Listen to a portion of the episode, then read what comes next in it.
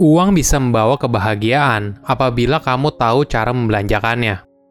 Halo semuanya, nama saya Michael. Selamat datang di channel saya, Si Kutu Buku.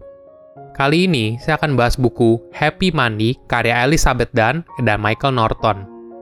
Sebelum kita mulai, buat kalian yang mau support channel ini agar terus berkarya, caranya gampang banget. Kalian cukup klik subscribe dan nyalakan loncengnya Dukungan kalian membantu banget supaya kita bisa rutin posting dan bersama-sama belajar di channel ini. Buku ini membahas bagaimana uang bisa membeli kebahagiaan. Apakah bisa? Mungkin saja apabila kamu mengikuti lima prinsip dalam membelanjakan uang dengan cerdas. Banyak orang sudah cukup paham kalau mereka butuh bantuan profesional tentang bagaimana caranya mendapatkan uang, menyimpannya, dan menginvestasikannya. Namun ketika bicara soal membelanjakan uang, kebanyakan orang hanya mengikuti intuisi mereka saja. Elizabeth akan menjelaskannya melalui banyak riset bagaimana cara kita bisa mendapatkan kebahagiaan lebih berasal dari uang yang kita belanjakan. Menariknya, hampir di belahan dunia mana pun, besaran penghasilan ternyata hanya memberikan sedikit pengaruh untuk membuat seseorang tersenyum, tertawa, atau merasakan kebahagiaan. Yang jauh lebih berpengaruh adalah bagaimana cara mereka membelanjakan uang yang mereka miliki. Saya merangkumnya menjadi tiga hal penting dari buku ini. Pertama, kebahagiaan berasal dari pengalaman. Apakah uang bisa membeli kebahagiaan? Pertanyaan ini sulit dipahami oleh banyak orang. Mereka merasa uang baru bisa membeli kebahagiaan apabila mereka punya lebih banyak uang.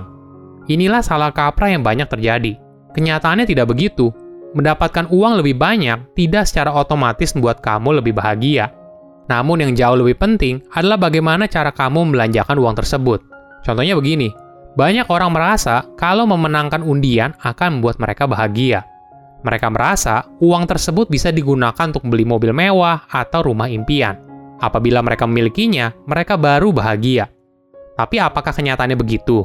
Tentu saja ada korelasi antara uang dan kebahagiaan. Namun sebuah riset menunjukkan kalau orang Amerika terbiasa berasumsi apabila penghasilan mereka naik dua kali lipat, maka mereka akan dua kali lipat lebih bahagia. Tapi secara statistik, kebahagiaan mereka hanya meningkat 9% saja.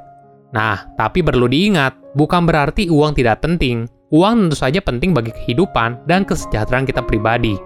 Elizabeth membagikan cara yang tepat untuk membelanjakan uang agar memberikan kita kebahagiaan, yaitu dengan buy experience. Uang akan membawa kebahagiaan apabila kita menggunakan uang untuk membeli pengalaman. Tentu saja, selama kita hidup, pasti kita membutuhkan uang. Uang untuk membeli makanan, uang untuk membeli pakaian, uang untuk membayar pajak, dan sebagainya. Tapi uang bisa memberikan kebahagiaan ketika kita menghabiskannya untuk membeli pengalaman, seperti makan di restoran baru, datang ke konser musik, daripada menghabiskannya pada mobil mewah atau barang elektronik lainnya.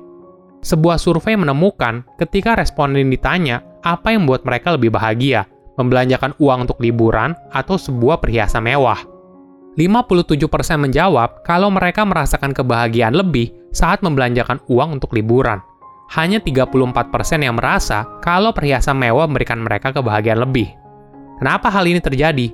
Hal ini disebabkan karena pengalaman akan menciptakan memori. Memori ini bukan hanya memberikan kita kebahagiaan saat menikmati pengalaman tersebut, tapi ketika kita mengingat kembali memori tersebut, kita mampu menciptakan pengalaman itu dan merasakan kebahagiaannya lagi. Kedua, uang untuk membeli waktu. Ada yang bilang kalau uang itu adalah sumber dari semua kejahatan. Namun sebenarnya, uang itu tidak baik ataupun buruk, tergantung siapa yang menggunakannya. Di sisi lain, uang bisa membantu kita mengejar mimpi yang kita inginkan. Ini merupakan cara kita menggunakan uang untuk membawa kebahagiaan, yaitu dengan membeli waktu. Apakah kamu adalah tipe orang yang menyukai pekerjaan membersihkan rumah, atau kamu lebih memilih untuk mengerjakan hal lain? Kebanyakan orang tidak menyukai kegiatan ini dan bisa menggunakan uang untuk merekrut jasa asisten rumah tangga yang dapat membantu untuk membersihkan rumah. Dengan uang, kamu bisa mendapatkan waktu untuk dirimu sendiri. Ingat, di dunia ini yang paling berharga bukanlah uang, tapi waktu. Waktu adalah sumber daya yang terbatas di dunia, dan kita harus bijak dalam menggunakan waktu yang kita miliki sebaik mungkin. Sayangnya, tidak semua orang memahami hal ini. Sejak tahun 1960-an, pendapatan per kapita tiap negara cenderung meningkat. Tapi tetap saja, mereka tidak menggunakan uang tersebut untuk membuat mereka bahagia. Daripada menghabiskan waktu mengerjakan hal yang tidak kamu sukai, gunakan waktu kamu yang berharga untuk melakukan hal yang kamu inginkan.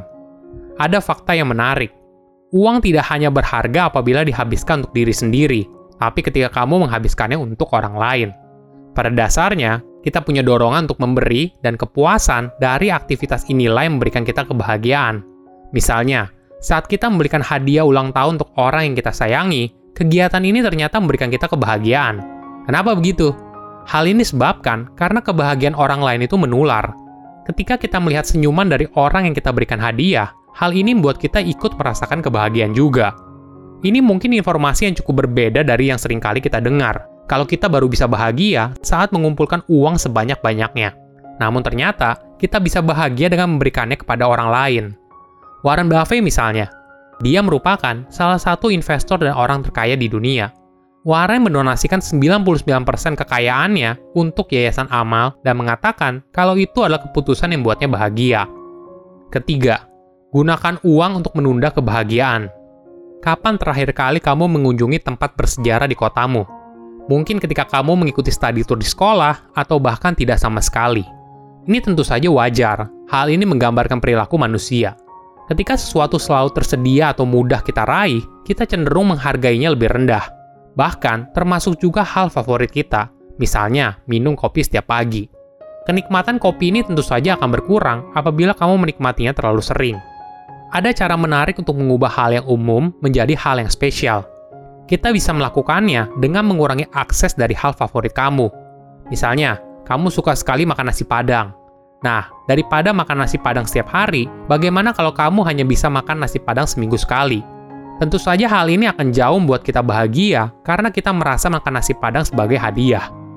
Cara lain untuk meningkatkan kebahagiaan dari sebuah hal yang umum adalah dengan mengingatkan kita betapa spesialnya produk tersebut. Misalnya seperti ini. Ketika kita membeli segelas kopi, mungkin kita hanya merasa ini hanya segelas kopi biasa.